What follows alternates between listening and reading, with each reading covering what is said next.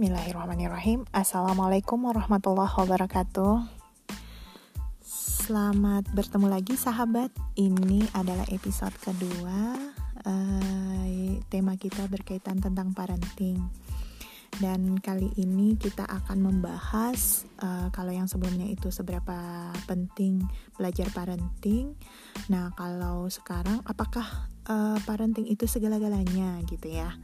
Karena uh, ada juga di antara para orang tua, orang tua muda terutama yang uh, justru merasa ada kecemasan gitu. Uh, karena tidak tahu banyak ilmu parenting akhirnya merasa nggak uh, nggak ini nggak berdaya sebagai orang tua atau merasa nggak becus sebagai orang tua. Apakah segitunya gitu ya? Apakah memang harus uh, sangat mumpuni sangat menguasai ilmu parenting itu? Nah di sini kita akan bahas uh, bagaimana dulu uh, orang tua kita yang mungkin nenek nenek-nenek kita gitu ya buyut-buyut kita dalam mengasuh anaknya pastinya mereka belum mengenal ilmu parenting kan gitu. Dan uh, buktinya mereka sukses-sukses aja mendidik anak mereka. Bahkan ada yang uh, mungkin pendidikannya rendah yang bahkan sekolah rakyat aja nggak lulus gitu. Tapi dia bisa uh, membesarkan anak mengasuh anak sampai anaknya jadi profesor, doktor, dan sarjana gitu kan. Nah, jadi di sini tim, mulai timbul nih pertanyaan. Nah, kalau demikian nenek-nenek kita atau orang tua kita dulu uh, bisa sukses mendidik kita uh, atau orang tua kita uh, anak uh, mereka tanpa ilmu parenting terus kita apakah juga gak usah aja gitu belajar ilmu parenting nah di sini nih jawabannya karena uh, di sisi lain ada juga fenomena. Di zaman sekarang ini uh, para orang tua muda yang uh, mungkin latar belakang pendidikannya bagus S2 S3 ya sarjana lah minimal gitu. Uh, justru uh, gagal dalam mendidik anaknya. Tidak hanya jangankan di akhirat gitu ya di dunia aja sudah kelihatan gitu gagal dalam uh, mendidik uh, tingkah laku atau perilaku anaknya. Nah itu kenapa kok bisa ada dua hal yang bertentangan begini gitu? Nah di sini saya tertarik dengan mengutip uh, materi parenting yang pernah saya dengar dari uh, Ustadz Adrian Rusfi. Jadi beliau adalah senior saya di psikologi UI dan beliau mengakunya uh, sangat suka berpikir gitu ya, bukan pembaca. Jadi uh, kalau menurut saya pemikiran-pemikiran uh, beliau ini luar biasa. Nah pada suatu uh, parenting yang beliau isi di Bukit Tinggi di sekolah kami, beliau menyampaikan uh, ilmu parenting itu nggak segala-galanya gitu. Jadi jangan hanya mengandalkan perkataan psikolog atau mengandalkan nasihat-nasihat parenting aja gitu, karena bisa jadi nasihat-nasihat itu nggak akan berguna ketika kita menghadapi anak. Lebih dari semua itu sebenarnya uh, ada fitrah yang diberikan oleh Allah atau dianugerahkan oleh Allah kepada setiap setiap orang tua. Nah, uh, jadi ketika seseorang itu sudah diamanahkan oleh Allah untuk menjadi orang tua, apakah itu memiliki anak dari uh, rahimnya sendiri atau bukan gitu ya, atau mengangkat anak, itu sebenarnya Allah sudah me, me, apa, membekali si orang tua ini dengan uh, bekal ilmu parenting. Ya, kalau kita istilahkan mungkin Allah itu uh, bukan mungkin lagi. Pastinya Allah itu sudah menanamkan chip gitu di dalam otak kita untuk berpikir untuk bertindak agar bisa menjadi orang tua. Jadi pastinya secara sunatullah naluriah akan ada uh, insting-insting untuk menjadi orang tua Nah, makanya ketika orang tua kita di zaman dahulu, nenek moyang kita zaman dahulu, itu bisa sukses mendidik anak karena insting mereka itu masih masih pure gitu, masih murni, masih belum terkontaminasi. Nah, sedangkan di zaman sekarang kok bisa jadi justru uh, memiliki ilmu parenting tapi justru gagal uh, dalam mendidik anak atau pendidikannya tinggi tapi gagal dalam mendidik anak. Nah, di sini letaknya bisa jadi secara kognitif ilmunya sudah dikuasai gitu. Teori-teori tentang parentingnya dikuasai. Tapi secara uh, naluriah atau secara fitrah fitrahnya nggak terjaga. Fitrah kita sebagai orang tua mungkin uh, ternodai gitu. Nah, yang namanya fitrah uh, bisa dikatakan uh, fitrah itu um, apa ya semacam lentera di dalam jiwa setiap manusia. Ini kalau saya ya ini istilah saya nih.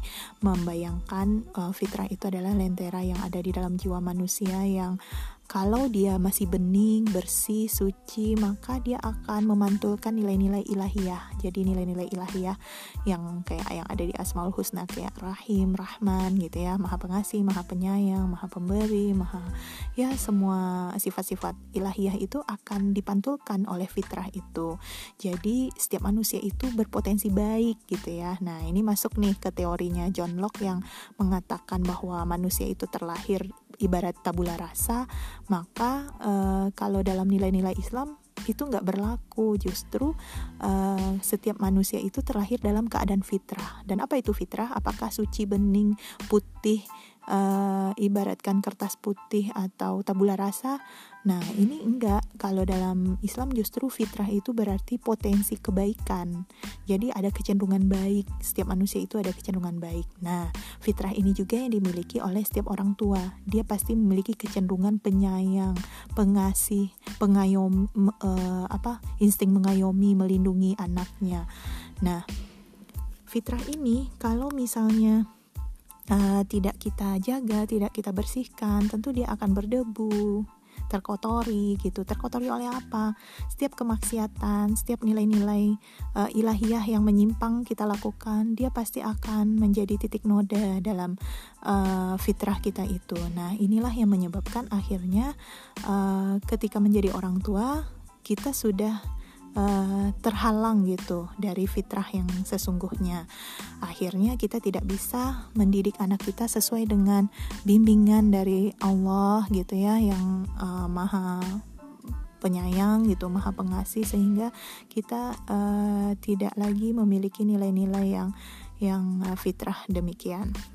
Nah, oleh karena itu uh, sebagai orang tua, marilah kita uh, cenderung um, membersihkan jiwa kita gitu ya uh, pastikanlah uh, bahwa fitrah kita tetap terjaga uh, ibadah-ibadah kita kepada Allah uh, terjaga sehingga uh, apa namanya uh, hubungan kita dengan Allah itu akan tercermin pada uh, efektivitas kita dalam berinteraksi dengan anak-anak kita. Um, Nah, di sini berkaitan dengan fitrah dan uh, kaitannya dengan ibadah ini uh, yang menarik saya jadi teringat pada suatu kisah seorang sahabat yang uh, suatu hari kendaraannya mogok gitu ya. Kendaraannya dalam hal ini unta atau kuda gitu kalau nggak salah. Nah, unta untanya ini mogok, nggak mau patuh pada dia. Nah, yang yang terjadi pada sahabat ini, dia nggak menyalahkan si unta, justru dia introspeksi, ya Allah apa nih kemaksiatan yang aku lakukan gitu, sehingga untaku tidak lagi patuh padaku. Nah, itu dilakukan oleh seorang sahabat ketika untanya nggak patuh. Nah, bagaimana dengan kita ketika anak kita membangkang, anak kita tidak patuh, menunjukkan kerewelan gitu. Bisa jadi ini lebih dari sekedar kendaraan yang digambarkan dalam kisah sahabat tadi ya. Tentunya uh, anak kita fitrahnya masih terjaga ketika dia merasakan fitrah yang tidak sesuai uh, tentunya dia akan menunjukkan tingkah laku atau pola yang bertentangan gitu. Nah jadi uh, sahabat mari kita uh, introspeksi diri terlebih dahulu ketika anak kita uh, menunjukkan sikap, tindak tanduk, tingkah laku yang uh, tidak pada tempatnya. Nah, mm, karena kalau secara teori psikologi aja, ketika orang tua mengalami kecemasan, mengalami ketidaknyamanan secara psikologis itu akan beresonansi pada anak gitu. Jadi frekuensi kecemasan itu juga akan dirasakan oleh anak dan dia juga akan menunjukkan uh, tingkah laku tingkah laku yang uh, mungkin mengarah pada gangguan gitu. Nah, oleh karena itu uh, agar kita lebih efektif dalam uh, mengasuh anak, tentunya kita pastikan dulu diri kita uh, aman dulu gitu ya. Nah, jadi di sini uh, bisa dipastikan bahwa interaksi kita dengan Allah itu bisa terlihat atau tercermin dari interaksi kita dengan manusia, khususnya bagi kita sebagai orang tua tentunya uh, seperti apa uh, interaksi anak-anak kita dengan kita. Nah, jadi uh, di ujung uh, pembahasan kita ini kesimpulannya, apakah ilmu parenting itu penting?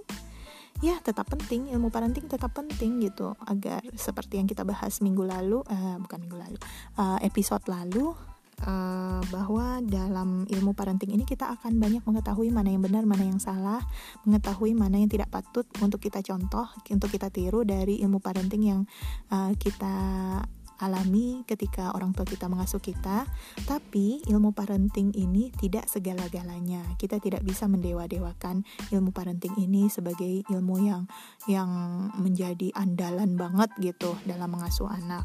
Justru di atas semua itu yang lebih utama lagi adalah bagaimana kita menjaga fitrah kita sebagai insan gitu ya, sebagai manusia.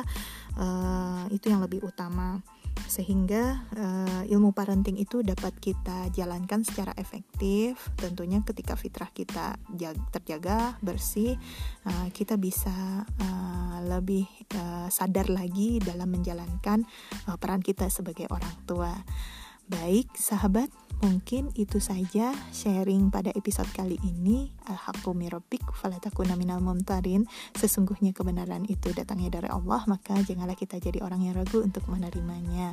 Wabillahi taufik wal hidayah. Wassalamualaikum warahmatullahi wabarakatuh.